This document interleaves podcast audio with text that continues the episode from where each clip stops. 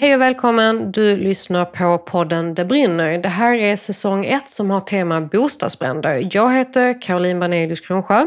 Och jag heter Mattias Stelin. Idag pratar vi om att eh, kontrollera sitt brandskydd så att det fungerar den dag det behövs. Och på byråkratsvenska så kallas detta för systematiskt brandskyddsarbete. Men det ska vara lätt att göra rätt. Och mer om det ska vi prata med vår gäst idag, Helene Degerman från RISE.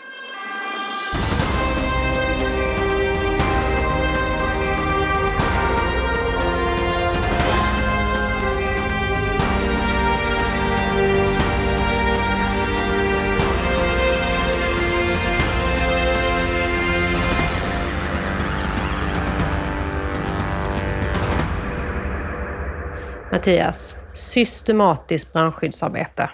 Långt ord. Ja. Inte helt självklart vad det är. Man kan förkorta det också, det gör många. SBA. Just det. Vad är det för någonting? Det är att man själv ska ha koll på sitt eh, brandskydd och att det fungerar. Och andra brandsäkerhetsaspekter i huset där man bor eller där man jobbar eller, eller så. Och då pratar vi egentligen både om det organisatoriska och det byggnadstekniska brandskyddet. Jo, men det är det ju. Precis. Det ska fungera och organisationen kring det ska ju både fungera så att brandskyddet blir bra, men också fungera så att man inte ställer till och skapar massa brandrisker förstås också. Men du, vem är ansvarig för det här då, Karo? Det är vi ju allihopa, både den som bor, men kanske också den som äger byggnaden. Lite beroende på vilka utrymmen vi befinner oss i eh, och lite vilken typ av bostad vi är i. Om det är en villa eh, så är ju oftast den som bor och den som äger samma person. Eh, Medan kanske i ett flerbostadshus så kan du ha en bostadsrätt eller en hyresrätt. Och då kan det antingen vara fastighetsägaren och hyresgästen eller bostadsrättsföreningen och eh, den som då äger sin, sin lägenhet. Mm. Och där är det viktigt förstås att det finns en gränsdragningslista så att det inte faller mellan stolarna, utan att man har koll på vem som tar hand om vad. Precis. Eh, och det här är då viktigt att du som lyssnar kanske kollar upp hur det ser ut hos dig. För det är inte säkert att det ser likadant ut överallt. Nej, precis.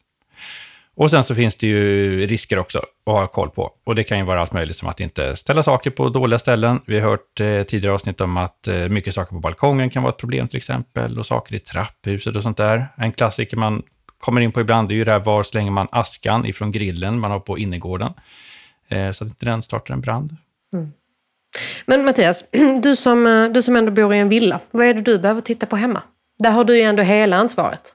Ja, det har jag. Eh, det förenklar ju på sitt sätt. Men eh, först och främst skulle jag säga brandvarnarna. Att ha koll på att de mår bra och fungerar.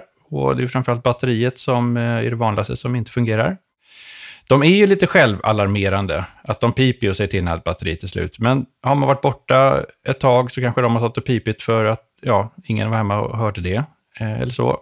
Så att det kan vara bra att kolla om man varit borta länge. Annars är det bra att kanske ha en rutin som att man några gånger om året trycker in testknappen på alla brandvarnare man har hemma och ser att de fungerar. Mm. Sen har ju jag... En eldstad också? Jag har ju faktiskt två ja. eldstäder till och med. Två eh, till och med. Ja, och där är det viktigt att hålla koll på att det är att sotningen förstås, att man gör det regelbundet. Jag gör det en gång om året. Och eh, sen ha koll på att det är liksom ordning och reda kring både eldstäderna och eh, skorstenen och sådär. Att det inte händer någonting konstigt här.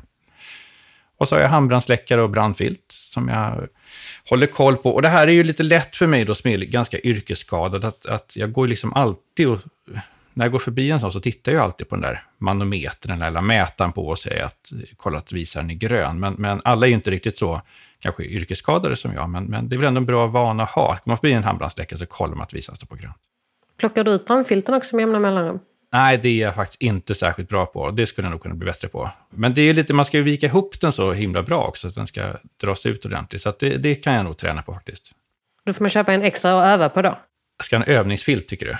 Ja, varför vika?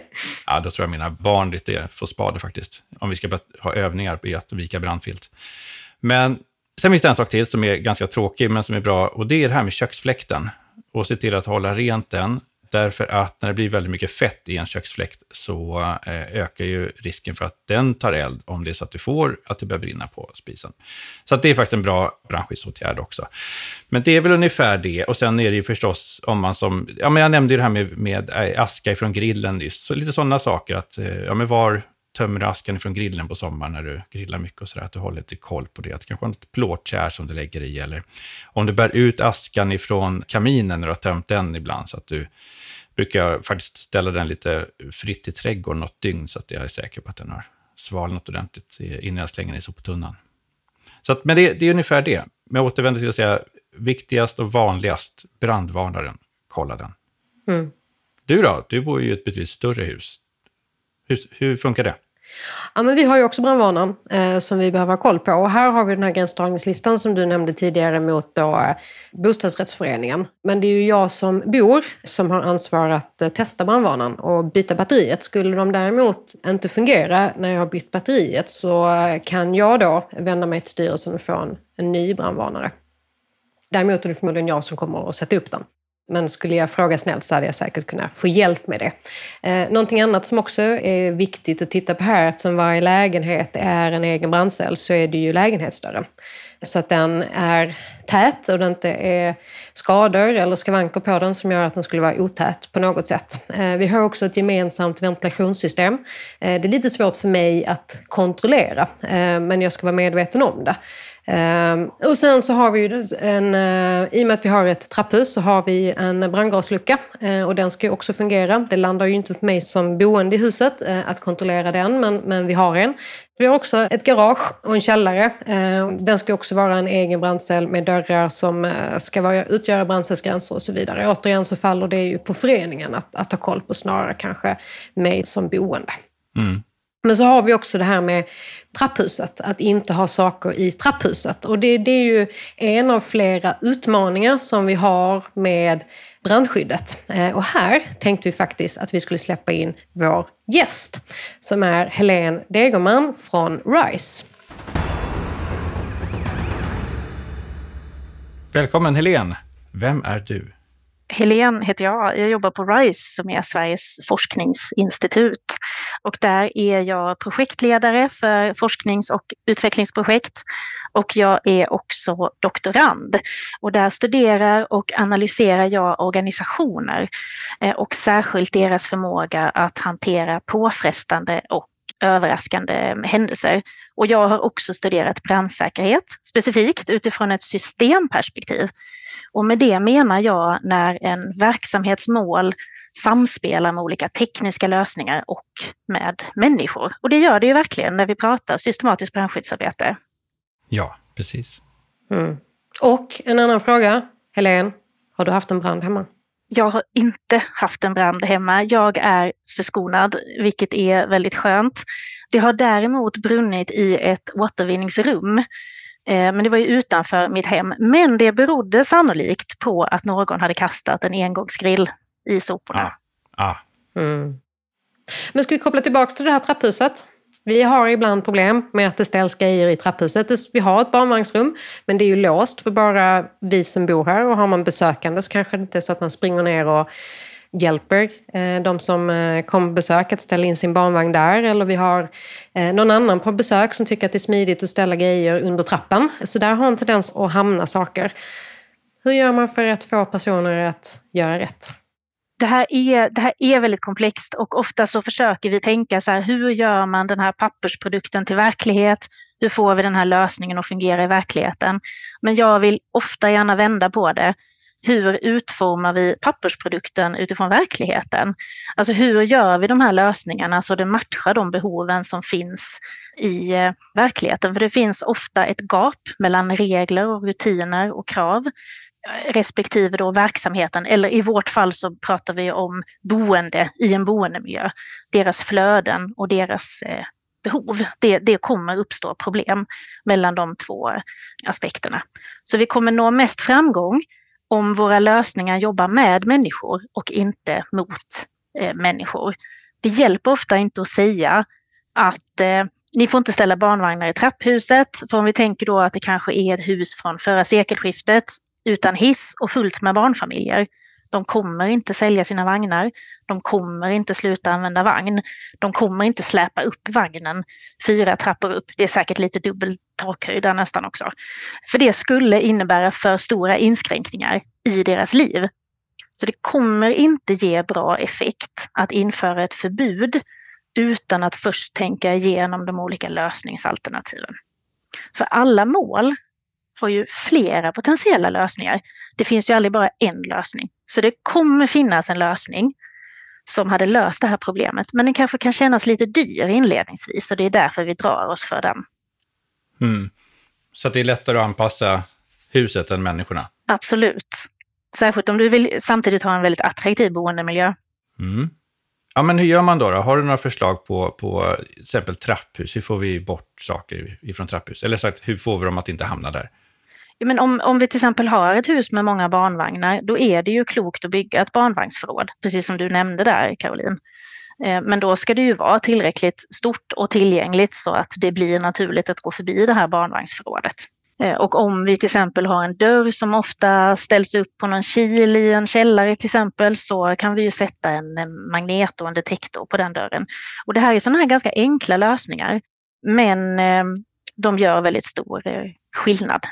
Till exempel i en källare, vad gör du ofta när du är i en källare? Du hämtar saker, du bär saker. Och då har du inte armar över och, och öppna dörrar, utan då kommer de ställas upp på kil. Så om vi lär känna de här behoven så blir det nästan förväntat och logiskt att de här problemen uppstår. Och när vi förstår vad människor har för behov i den här byggnadsdelen så skapar vi bättre incitament och inför de här lösningarna som vi tror är lite dyrare, men under väldigt lång tid så är, är de nog billigare för att de löser problemet. Ja, precis. Vi pratade här också tidigare om, om, att man måste kolla på och kontrollera saker och, och sköta om saker och underhålla och kontrollera här. Men hur får man människor att göra det på ett bra sätt? Då? Ja, den här uppdelningen mellan vad som är vems eh, ansvar, den fungerar ju väldigt bra i teorin, men då bygger det ju också på att alla individer tar sitt ansvar väl innanför sin lägenhet. Och hade jag varit fastighetsägare eller suttit i en styrelse i en bostadsrättsförening så hade jag velat säkerställa att alla har eh, en brandvarnare. Jag hade velat skruva dit den i möjligaste mån. För då eh, hade det varit rätt antal brandvarnare per boendeyta. Den hade varit rätt placerad och uppsatt med rätt typ av plugg. För annars är ju risken att den hamnar i, i värsta fall i garderoben ouppackad, på hatthyllan, i ett hörn på väggen eller då att den är så pass nära köket så att den fellarmar och då så tas den ner av de boende. Eller då att den trillar ner från eh, eh taket.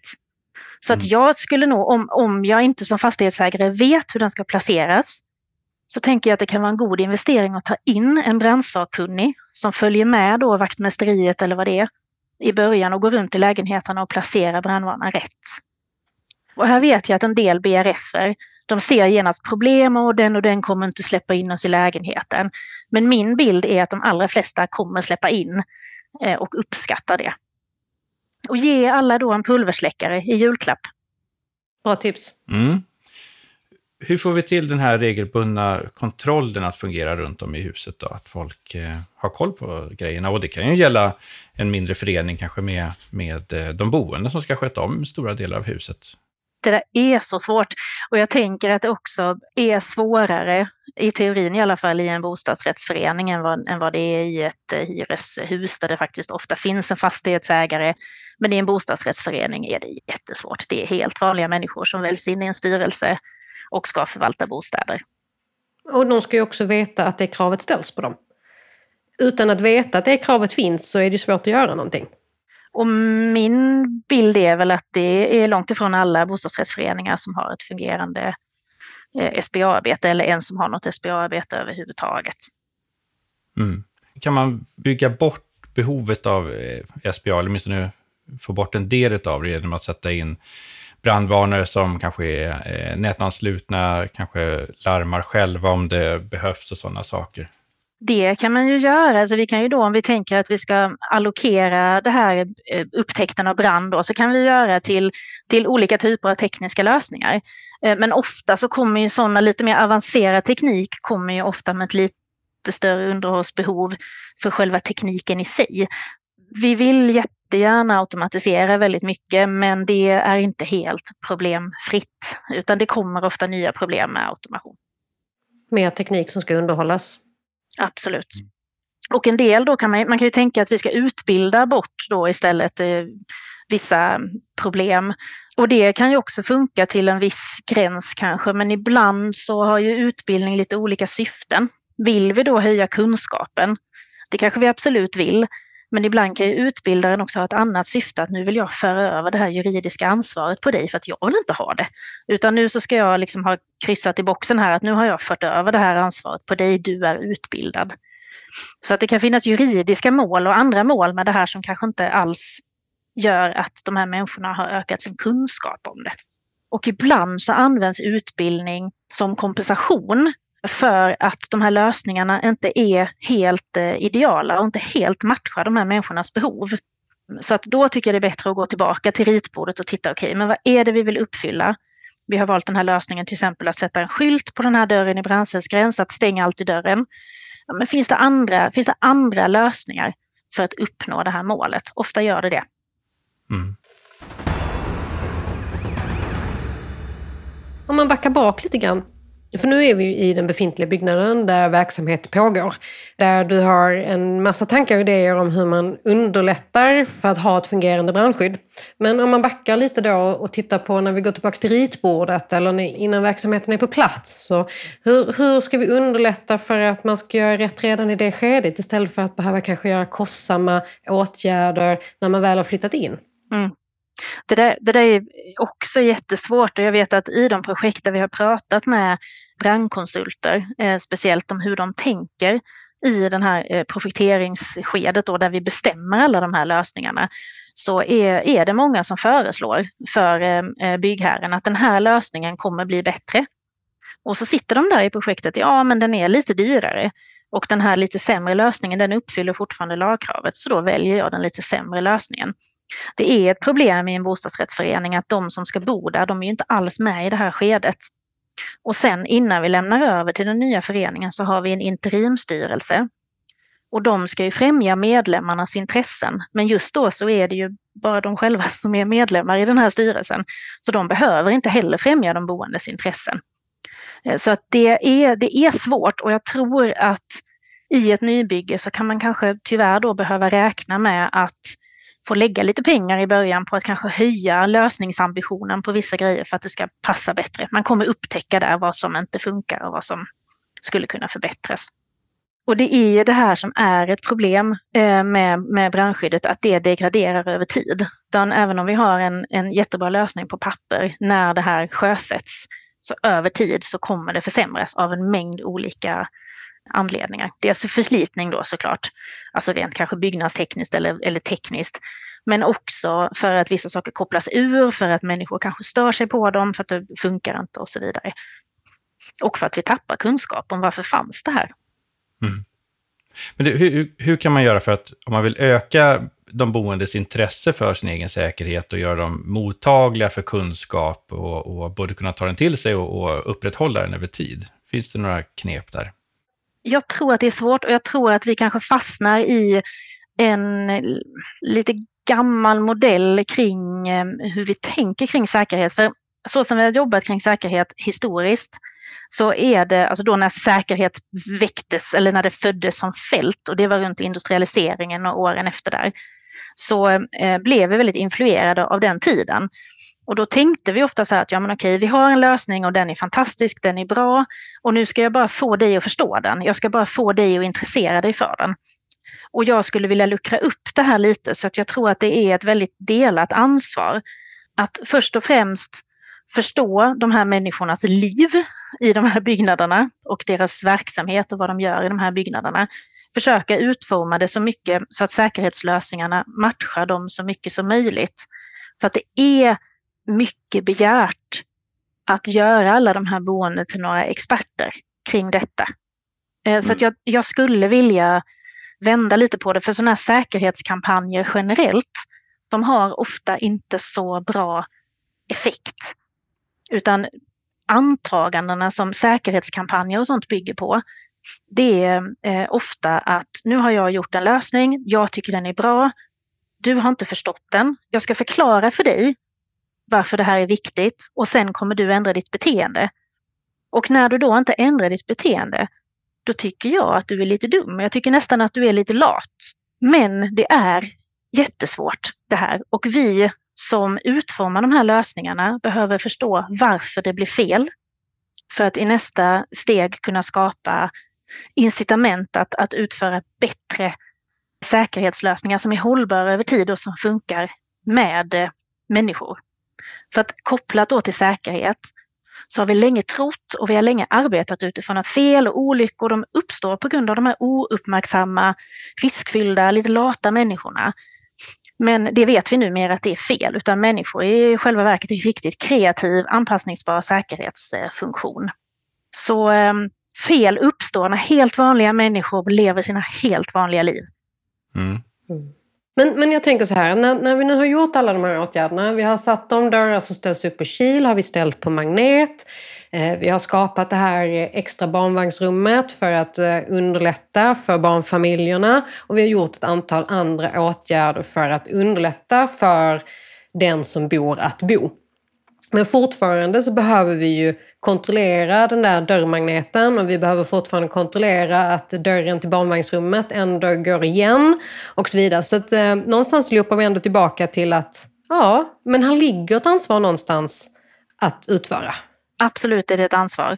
Eh, och jag personligen då vill ju uppmana de här fastighetsägarna att ta hjälp och sätta upp ett systematiskt brandskyddsarbete från någon som kan och be om rekommendationer från andra föreningar eller andra fastighetsägare på en bra person som kan hjälpa till att sätta upp det här och som kan hitta riskerna i den här miljön. Och också kan föreslå bra eh, åtgärder och bra lösningar. Mm. För det, vi har inte nämnt det heller hittills, det är ju att eh, i SBA så ingår ju också att dokumentera vad man har för brandskydd, så att inte det glöms bort över tid, över att det fanns en viss funktion någonstans man behövde kontrollera också. Precis, och det, det behöver ju så att, vi, så att vi vet vad det är vi faktiskt ska eh, kontrollera. Så att vi tänker vi kan titta på det här i lite olika steg. Först och främst så ska vi utforma de här eh, lösningarna så att de jobbar med människor. Eh, för det kommer vi ha igen. Och sen behöver vi ju veta vilka, vilka olika byggnadstekniska och tekniska och administrativa lösningar som ingår i det här brandskyddet. Och sen behöver vi kontrollera dem men också revidera dem allt eftersom vi märker att det kanske inte funkar. Och för att sätta upp det här arbetet så kan man absolut ta hjälp, tycker jag. Och då, då är det nog frestande för många som inte alls känner till det här så ringer de sin lokala räddningstjänst. Men räddningstjänsten ja. är en tillsynsmyndighet och de ska inte Eh, föreskriva en hel lösningspaket åt ett SBA. De, klart de kan ge ett råd här och där. Men utan vänd det till någon oberoende då, person som kan hjälpa till att sätta upp det här. Ja, här tror jag vi får reda ut lite grann. För du, nu, nu kommer in på räddningstjänsten, det är bra. För det finns ju, förutom att det, sunt förnuft säger att man ska ha ordning på sitt brandskydd förstås, och att jag säger det, men det finns faktiskt ett lagkrav också som säger att man ska ha ordning på det. Och där är räddningstjänsten alltså, som du sa, tillsynsmyndighet för att se att man sköter sitt SBA. Och om de skulle göra tillsyn på ditt hus, då, ja, vad gör de då, Karo? Kommer de att kolla mina dörrar och brandvarnare då? Ja, då ska de ju titta på ditt systematiska brandskyddsarbete. Då ska vi börja med att titta på den här eh, pappersprodukten som vi har plockat fram. Sen kan de också... Så de kollar inte brandvarnarna? Inte först och främst, nej. Eh, utan de ska titta på det, det, systematiska brandskyddsarbetet som du har dokumenterat. Sen kan det mycket väl vara så att de, de gör någon kontroll i huset men de kommer inte gå in i alla lägenheter i, i ett flerbostadshus. Det kommer de inte att göra. Eh, utan det är ju eh, att se över att, att man har en systematik och att man har en, en rutin för att uh, se över sitt brandskydd. Sen ska jag också sägas att just flerbostadshus eller bostäder överhuvudtaget är inte det som räddningstjänsten prioriterar mest att göra tillsyner på utan det är framförallt andra verksamheter. Mm. Däremot så gör de faktiskt en del andra besök i sådana här bostadshus. Och det är vad de kallar för hembesök. Och då är det ju mer en rådgivande roll. och då kan de titta på brandvarnaren? Då kan de titta på brandvarnare och eh, finns till och med räddningstjänster som, eh, upp, om de upptäcker att du inte har några brandvarnare hemma, så kan det hända att de faktiskt sätter upp en åt dig. Mm. Just det. Och det sa ju faktiskt eh, Ida i ett tidigare avsnitt, att de gjorde på det sättet. Precis. Det här är ett omfattande och svårt ämne. Om vi ska försöka sammanfatta det lite grann för lyssnarna här, vad ska de ta med sig, vad ska de tänka på med SBA? Det beror lite på vart de är idag. Men har man aldrig hört det här eller vet med sig att nu sitter jag i en förening som kanske nog kanske inte har det här eh, i ordning, så börja sök lite på nätet, Google is your friend, och eh, fråga om rekommendationer om det finns någon som skulle kunna hjälpa till att starta upp det här. Och då får man ju ofta betala en konsult som gör det här. Men det kan man ha igen. Eh, och också att den här personen hjälper till att förklara lite och inte bara lämna en perm som vi sätter in i, i bokhyllan utan förklara okej, okay, vad, vad, är det egentligen vi ska göra och vad, vad, betyder den här systematiken att vi ska jobba löpande med det här. Sen eh, så kan jag säga att i slutet av de här allmänna råden så finns det en lista som delar upp tekniska lösningar och organisatoriska rutiner. Och jag vill problematisera det här lite grann. För att inga tekniska lösningar eh, utformas i ett organisatoriskt vakuum. Så att fundera lite här, okej när ni utformar era tekniska lösningar, vad är det som styr? Är det kortsiktigt, är det långsiktigt, är det lagkrav? Är det för att en försäljare sa att det här var bäst? Är det för att vi tror att eh, fel som uppstår är att människor är lite lata och så vidare? Så att vi har koll på det här. Sen tycker jag att vi måste lära känna vår verksamhet. Vad finns flödena i den här byggnaden? Vad har människor för behov här? Utforma tekniska lösningar som matchar detta. Och sen behöver vi då sätta på en kontroll och revideringsfunktion på det här. Så att vi kollar regelbundet, funkar det? Eh, och om det inte gör det, kan vi försöka förstå mer. Vad är det som gör att den här lösningen inte passar människornas behov? Och då göra en förändring. Så Helene, hur ofta tittar du på ditt brandskydd hemma? Jag provar ju min brandvarnare årligen, inte mer än så. Eh, jag har också en, en brandsläckare, en pulversläckare och den tar jag och skakar lite ibland. Jag har faktiskt tre brandfiltar, jag vet inte riktigt varför jag har det. Det har jag också. Mm. Mm. Bra, kan ni lära mig vika det någon dag då? Ja, ska vi göra. Så att om vi sammanfattar här, SBA är att veta vad man har för brandskydd och se till att det fungerar, men för att komma dit så behöver man också ha ett, ett brandskydd som eh, passar in i huset och de boendes vanor. Och så ta hjälp, köp hjälp. Där har vi det. En bra sammanfattning, ett bra sista ord. Helene, vi tackar så jättemycket för din medverkan. Tack så mycket, Helene. Tack. Ja, du Carro, vad, vad svårt det verkar vara att göra rätt. Det skulle ju vara lätt att göra rätt. Mm, visst skulle det vara det. Men om vi ändå ska ge några tips på vägen. Så brandskyddet det ser olika ut i olika bostäder. I villan, i radhuset, i flerbostadshuset och så vidare. Och du behöver kontrollera vilket brandskydd som finns hos dig och hur det ska kontrolleras. Och sen helt enkelt kontrollera det. Och gemensamt för alla bostäder är att det åtminstone ska finnas en brandvarnare. Om du inte har börjat med ditt SBA än, så ska du börja med brandvarnaren och sen fortsätta därifrån.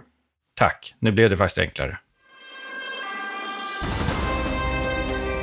Du har lyssnat på Det brinner, en podd som vill lära dig mer om brandsäkerhet. Podden produceras av Brandforsk som arbetar för ett brandsäkert och hållbart samhälle byggt på kunskap. Du kan nå oss på brandforsk.se. Där kan du ställa frågor till oss och komma med förslag på frågor för oss att ta upp här i podden. Och till nästa gång, kom ihåg att testa din brandvarnare.